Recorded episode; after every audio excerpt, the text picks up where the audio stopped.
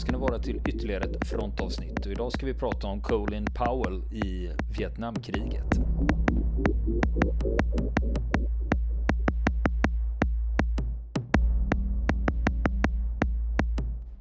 Det är ju vinter 1963 och eh, Colin Powell är ju stationerad på en bas i Ashaudalen.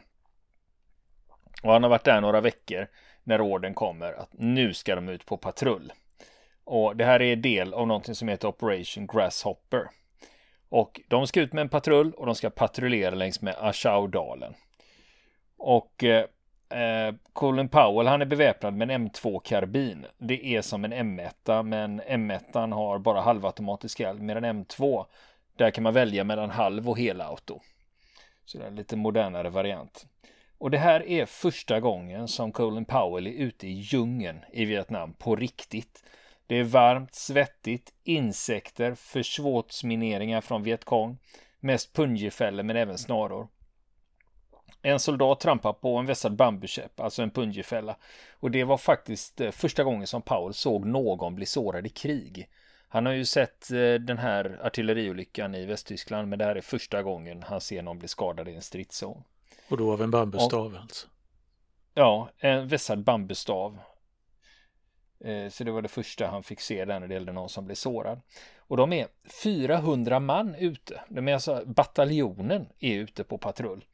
Och dag 6 på den här patrullen, då tar de sig ner för en lerig bergssida och det har regnat. Och Powell går ungefär en fjärdedel bak i formationen, alltså ungefär som hundrade man då kan man säga. Och Powell han undrar varför går de inte på tre eller fyra täter? För då kan man ju liksom skydda varandra. Men enligt Joe, kaptenen där, så är det ändå nästan omöjligt att ta sig fram i terrängen. Så att det är tillräckligt besvärligt att göra det här på ett led. Så att göra det på tre eller fyra, det skulle i stort sett bli omöjligt. Så det blir ett led de går på, alla 400 man. Och plötsligt så hörs skottlossning längst fram. Det blir en stupad och en sårad för Arvin.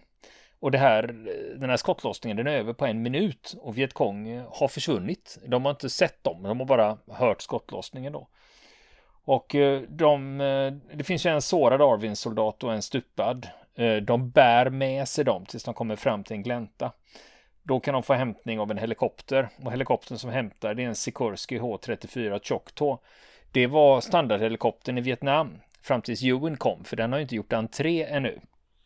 Ja, det är ju Ewan som man förknippar med Vietnamkriget. Men, den, den, men det här är så tidigt, det är 63 det här, så att än så länge så är det inte den då. Men eh, det är ju så, den här H34 Choctaw, om man funderar, men hur ser de ut? Jo, det är ju en sån som Joker och Rafterman åker till i U, i, i staden, de åker till staden U i filmen Full Metal Jacket. Då åker de en H34 ska det föreställa egentligen den brittiska helikoptern Westland Wessex. Men den ser ut som en H34 så då fick den spela det i filmen. Men nu vet ni hur den ser ut då. Men de här H34 de användes under hela Vietnamkriget så det var liksom ingen anakronism eller någonting. Men den här kvällen när de är ute på patrull i djungeln, någonting har förändrats för Colin Powell. Och det är att de hade en stupad och då fattar han att det här är ju inte på låtsas. En man har ju faktiskt dött här. Och insikten som drabbar honom det är också att någon kommer antagligen att stupa imorgon också. Och det var inte vackert att börja tänka i de banorna. Och Powell han har med sig en eh, anteckningsbok där han skriver eh, korta sammanfattningar om patrullen som en liten dagbok. Jag, jag kommer att läsa ur den här, jag har översatt. 10 februari Upptäcker övergiven by. Förstörde hus och 100 kilo ris. 20 kilo majs. Tredje kompaniet utsatt för kort eldgivning. 11 februari. Regn. Dödade tre bufflar, grisar och höns. Lite eldgivning från Vietkong. 13 februari. Andra kompaniet i strid med Vietkong. Hittade blodspår. 21 februari 09.10 utsattes för bakhåll, en stupad, en sårad. 16.10 en stupad i strid, en obekräftad sårad eller stupad vietkong, brände ner två hus. Och den 18 februari kommer de till Montagnardby. De bränner hus och förstör grödor för civilbefolkningen. De har också med sig växtgift som de sprayar på grödorna så att de dör. Och idén här är att beröva Vietkong mat, men det drabbar ju också civilbefolkningen. Men det här är en del av den krigföringen man höll på med där. Och efteråt i sin självbiografi A Soldier's Way där eh, reflekterar Powell över, men hur vettigt var det här egentligen? Och förstör, vi brände hus och förstörde grödor och dödade djur. Men han tänker, han förklarar ändå att men på den tiden så trodde han på sina överordnade och den strategi de hade utvecklat. Och på den tiden och där så var det helt logiskt att det här var ett sätt att bekämpa Vietkong. Det, det var liksom så här man gjorde. Så han ifrågasatte inte det på den tiden. Även om det drabbade de civila oerhört hårt, speciellt fattiga bondfamiljer. Du kommer hem till dem och så bränner du ner huset och skjuter ihjäl deras buffel. Eh, och, ja, kan man ju bli ja. gramse för mindre. Ja, precis. Och i hans anteckningsbok 23 februari, då skriver han två stupade, evakuerade med H34. Klockan 12.35 får vi nedhållande eld från Vietkong. Och just det här när de skulle ut de här två stupade, det var lite speciellt för att det kom två H34 då. En som landade och en som höll vakt uppe i luften.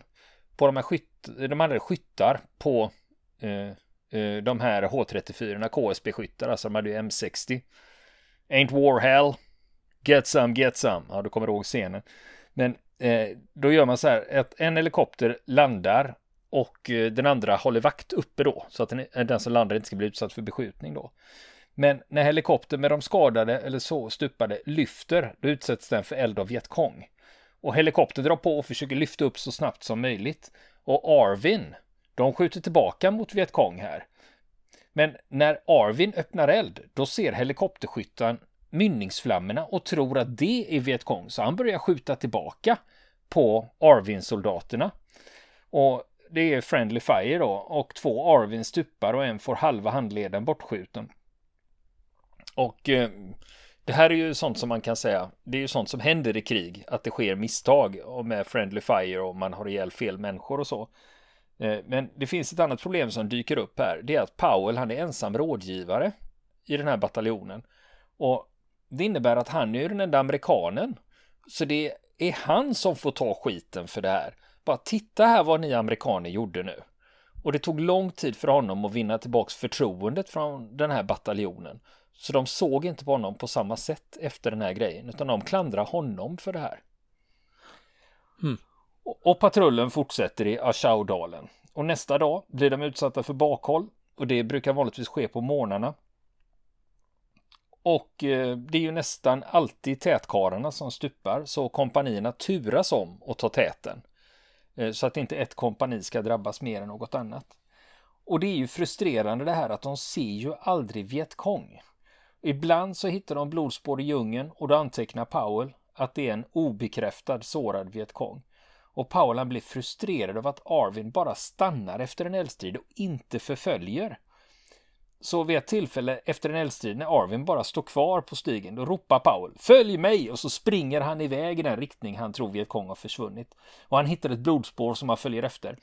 Men då upptäcker han, han är ensam. Arvin ropar ”Kapten, kom tillbaka! Kapten, kom tillbaka!”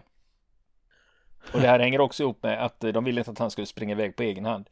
Det hänger ihop med att Kapten Hugh, som förde befäl för bataljonen, han skulle tycka det var väldigt pinsamt och skamligt om en amerikansk officer stupade i hans bataljon.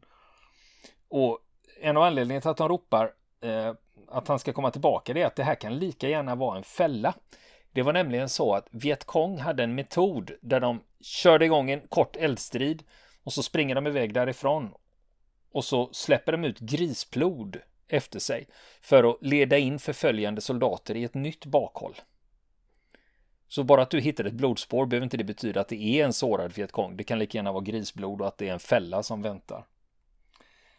Och den här patrullen fortsätter. De får ju försörjning eh, via helikoptrar så mat och sånt och ammunition får de ju och samtidigt som helikoptrarna plockar ut sårade och stupade. Nu är det 18 mars och de är fortfarande ute på patrull. Regnet har upphört. De, eh, det är en morgon 18 mars. De startar sin patrull och efter en timme så öppnar fienden eld.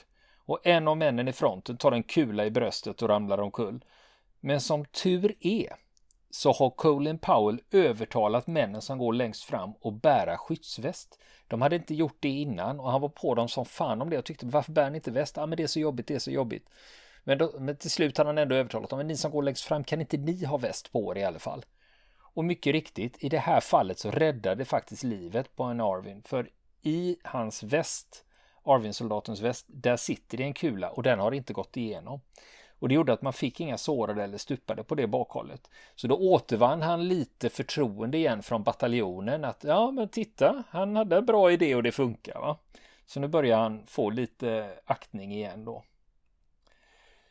Men den här marschen de har varit ute bra länge nu. Den börjar närma sig sitt slut och nu ändrar uppdraget karaktär. Och det är att de ska bygga ett nytt basläge. Platsen heter Be Belong och den ligger också i Ashaudalen.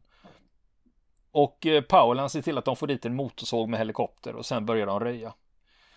Och nu kommer det dit ytterligare en amerikansk rådgivare. Det är förstelöjtnant Alton Cheek. Men när basen är klar, då får eh, kapten Hugh nya order och han ersätts av en annan sydvietnamesisk kapten som heter kapten Kame. Och Powell, han kallas till regementets högkvarter i Quang Tri. Han ska få en uppdatering om strategin. Och det man ska försöka ägna sig åt nu istället, det är att man ska försöka säkra en by. Och om du lyckas hålla en by och se till att den är säker, då tänker man att det i sin tur ska få de omgivande byarna att stabiliseras också. Och nu är det så att Alma, eh, alltså Colin Powells fru, hon är ju hemma i Boston. Hon är gravid, så det blir en hel del brevskrivande mellan Powell och hans Alma. Och vi får inte glömma att hemma i USA så är det ju 1963 och medborgarrättsrörelsen håller ju på att föra sin kamp på hemmaplan. Martin Luther, Martin Luther King Jr. Han har blivit gripen efter att ha lett en protestmarsch och det är i staden Birmingham. Det är därifrån Alma kommer då. Så att det känns ju väldigt nära på det viset. Och Powell, han har ju varit på den här briefingen då fått lära sig den nya strategin. Sen kommer han tillbaka till Ashaudalen. Men den här nya kaptenen som har kommit, kapten Kame, de har, det funkar inte mellan dem. Och Paul har inget förtroende för honom heller. Och han säger att problemet med kapten Kame är att han vet inte hur han ska anknyta till sina män och han vet inte hur det här med rådgivare funkar. Och han vet inte heller vad man ska ha rådgivarna till. Så att det, det, det, det synkar inte det här va. Med Hugh, kapten Hugh funkar det bra men nu funkar det inte alls då. Och sen Eh, hände det andra grejer. De hade ju byggt en bas där. Och den basen de ligger på det är på en bergstopp. Och under natten så utsätts de för granatkastareld. Men, men den missar grovt. Den träffar inte på basen överhuvudtaget. Den träffar ut i djungeln. För Vietkong har inte riktigt koll på var det här lägret ligger. Och kapten Kame han beordrar sina män att öppna eld och skjuta tillbaka, skjuta liksom lite vilt mot granatkastarna då. Och nej, säger Powell, gör inte det. Du ska ju inte skjuta, då ser ju fienden mynningsflammorna. Och då kan de ju eh, rikta in sina granater mot oss. Då vet de ju var vi finns. Så om vi inte skjuter tillbaka, då är vi ju fortfarande dolda. Men Kame, kapten Kame, han säger så här. Nej, doktrinen säger att vi ska besvara elden. Och då gör de det. Och mycket riktigt, Vietkong riktar in granatelden och nu börjar granaterna slå ner inne på basen. Och en detonation sker rakt ovanför Powell och han kastar sig i skydd. Och dagen efter, då upptäcker Powell när han går och tittar där att han vet ju var han stod. Och det var en gren i ett träd ovanför honom. Det är där granaten har träffat och skickat splitter åt sidorna, men han har klarat sig. Sex man skadades av splitter på den granaten, men Powell inte en skråma. Otroligt. Ja, helt otroligt liksom. Hade inte grenen funnits där hade han ju fått den i huvudet då. Men sen, det är ju våren 1963. 23 mars, då kommer goda nyheter. Colin Powell får veta att han har blivit pappa. Han har fått en pojke. Det får han reda på via brev då. Så det är, är, kan vara med en viss, viss fördröjning då. Men sen händer det en annan grej också som är viktig för Powell. Det är att kapten Quaim, han, eh, de flyttar på honom och så ersätter de honom med en annan officer, en kapten Quang. Och mellan honom så funkar det bättre eh, mellan Powell och Quang. De, eh, de synkar bättre. Och eh, eh, veckorna rullar på och de befinner sig i det här lägret. Och nu är det maj 1963 och Colin Powell han kallas till Hue. Det är sju månader kvar av hans tjänstgöring i Vietnam. Och när han kommer in till Hue, där det inte pågår några stridigheter, då sticker Colin Powell ut rejält. För han kommer direkt från djungeln. Han är skitig och lerig. Och de andra officerarna tittar på honom. Och de här andra officerarna går omkring i rena välpressade uniformer. Och problemet med Colin Powell är att han luktar också. Eh, han luktar illa. Men det, det bryr han sig inte om, utan han går in på en bar och så beställer. Och hans blick till de andra officerarna är, jag vet varför jag är här och jag vet vad jag gör här. Vet ni vad ni gör här? och eh, sen när han eh, är i Way, då kallas han in till en personalofficer. Och då får han reda på att han så småningom ska tillbaka till Fort Benning i Georgia. Då ska han få gå en avancerad kurs för infanteriofficerare. Och eh, officeren som berättar det här för honom tillägger att det här kan leda till en majors grad om du sköter dina kort väl. Och Powell har ju bara varit kapten i sju månader och varit i Vietnam i fem månader. Och han säger, jag kom ju nyss ut från basic training. För han upplever det så. Men vid det här laget har han faktiskt varit i armén i fem år. Men eh, hur som helst, den här kursen då, avancerad kurs för infanteriofficerare på Fort Benning, eh, det är inte aktuellt nu. Han är ju inte färdig i Vietnam. Han har ju en bit kvar. Så han åker tillbaka till Achaudalen. Och eh, där är han med ute på patruller.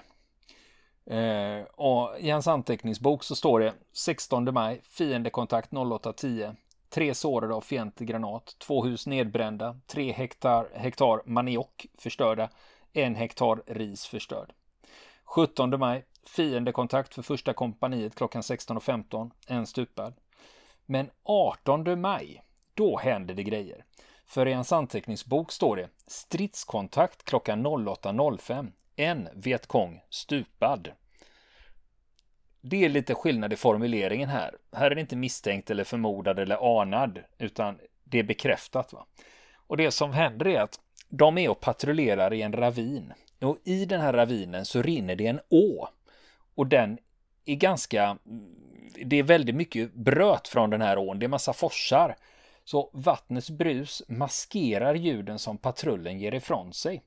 Och det innebär att tätkarlarna i patrullen lyckas hamna på förhand mot en patrull från Vietkong. Äntligen är de på förhand, de har ju bara blivit utsatta för bakhåll. Men nu är de på förhand och de genomför ett samtidigt eldöppnande mot Vietkongpatrullen och flera Vietkong faller omkull. Och när de kommer fram efteråt så hittar de en kvarlämnad stupad Vietkong och några sårade. Och det är första gången Paul ser en stupad Vietkong. Nu är ju det att han är ändå avtrubbad av alla stupade och sårade de själva har haft. Så han reagerar inte särskilt på åsynen av den här stupade Vietkongsoldaten. Men den här grejen, bara att ha en bekräftad död Vietkong, det gör under för moralen. Äntligen finns det en bekräftad stupad fiende. Och du kan ju tänka dig, det här är maj. de, de, har hållit på, de har hållit på ganska länge innan det här händer. Mycket tröskande. ja. Hittills har de bara sett blodspår och tappade vapen och inget annat. Mm. Men nu är det så här att eh, nu börjar vietnameserna fatta att ah, det är det här det handlar om. Man ska rapportera in stupade fiender liksom. Det är liksom boosta moralen då.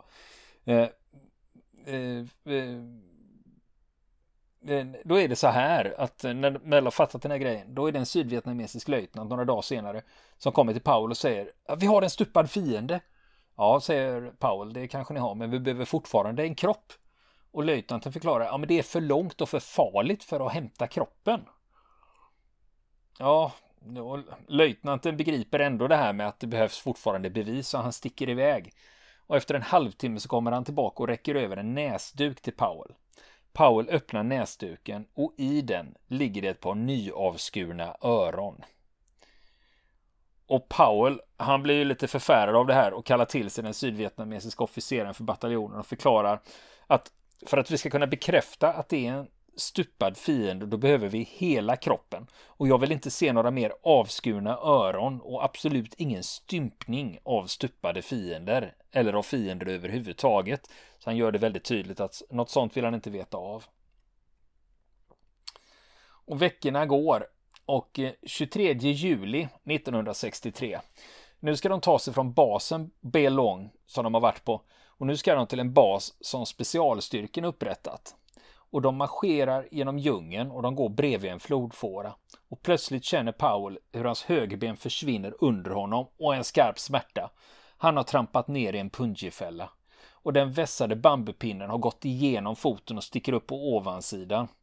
Och han drar sig loss och fortsätter gå. Och det är så här att han skäms över det här.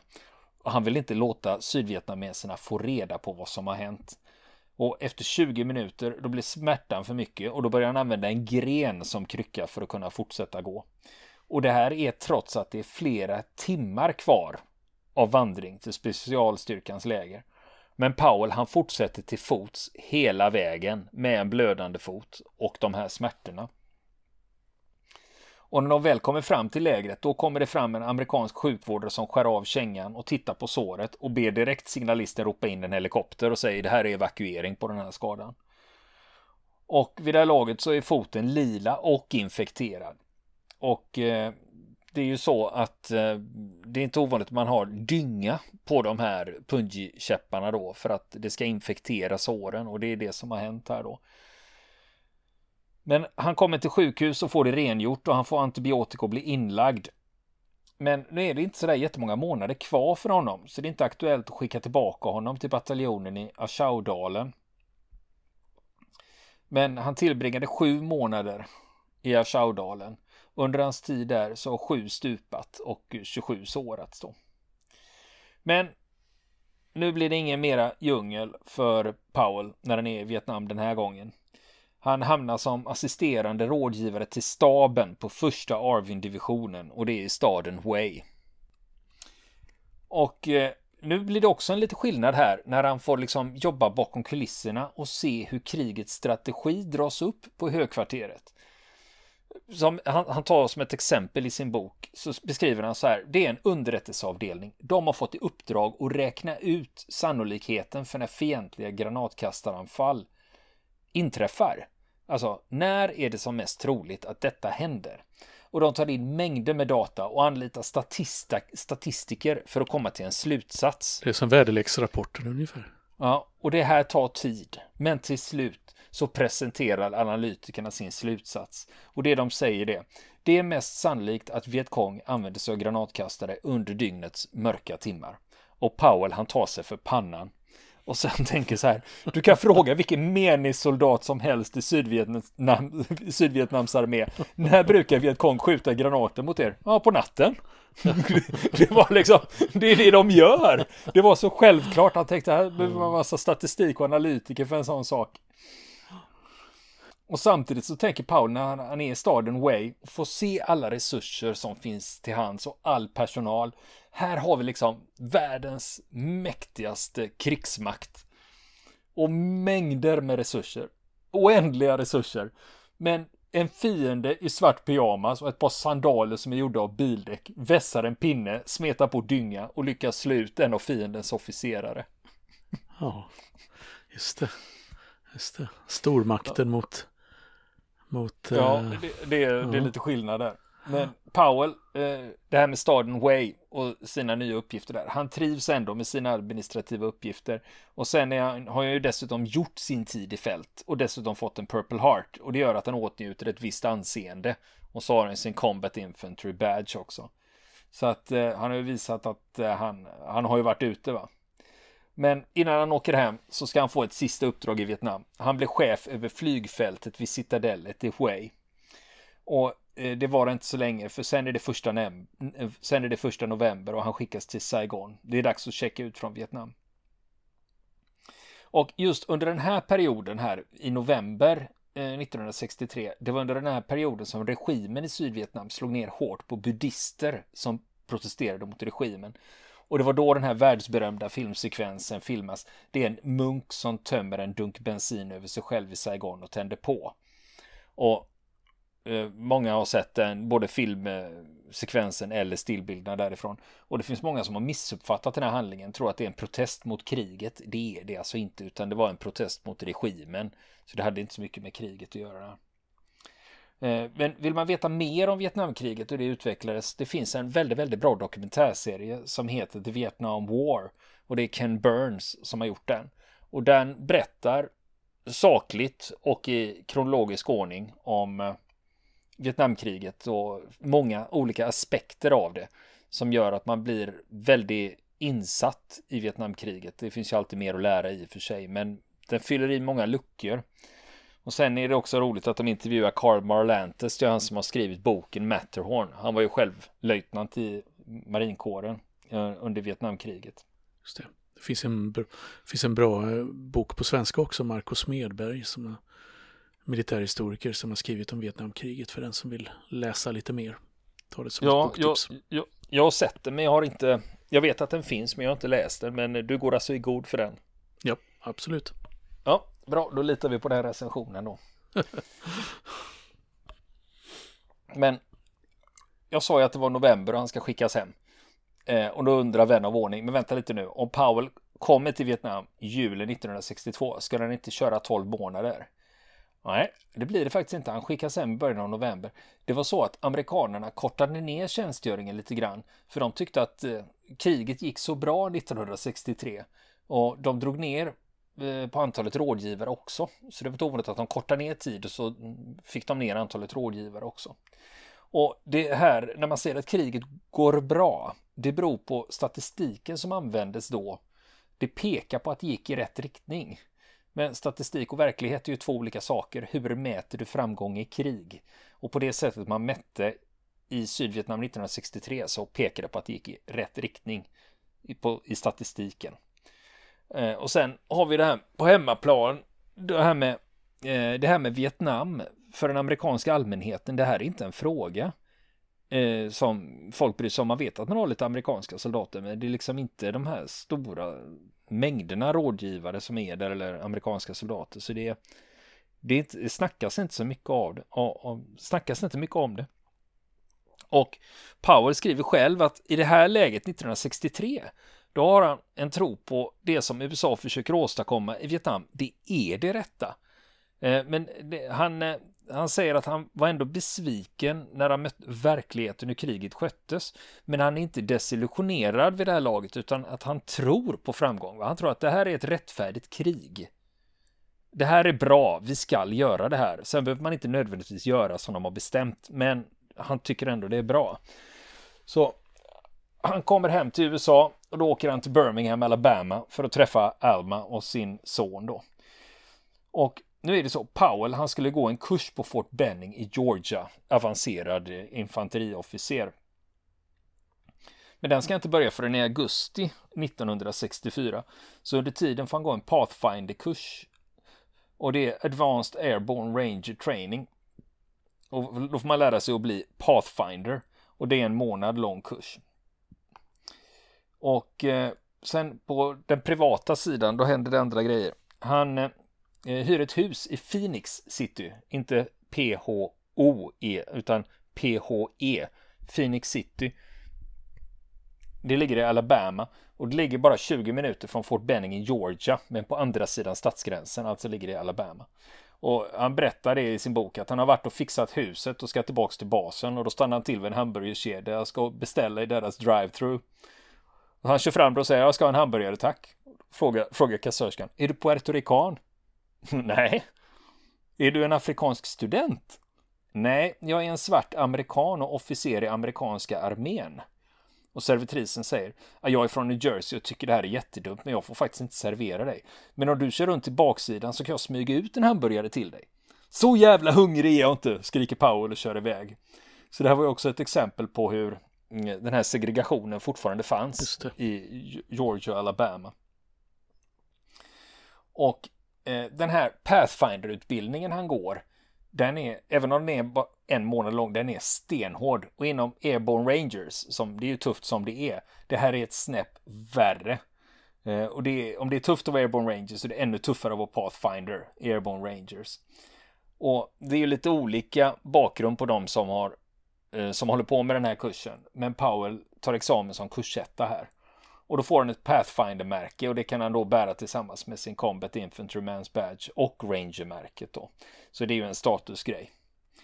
Och men den här kursen då som jag gick i januari, det var ju under en månad och han behöver något annat att göra innan augusti när hans kurs börjar. Och armén eh, hittar ju alltid på grejer för folk att göra. Så han hamnar på en avdelning på Fort Benning som ska utvärdera ny utrustning. Och bland annat fick de uppdrag att utvärdera en kanadensisk bandvagn som heter XM571. Och man funderade nämligen på att köpa in den till amerikanska armén, men först ska man testa och se om den här håller måttet, om det är något, eh, om det är något för amerikanska armén överhuvudtaget. Och om man ska beskriva den, man kan googla på hur den ser ut. Canadair XM 571 heter den.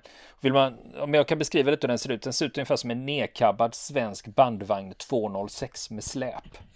Okej, okay. så det, är det var målande. Ja. Ungefär, men då har man ungefär en bild av hur den ser ut.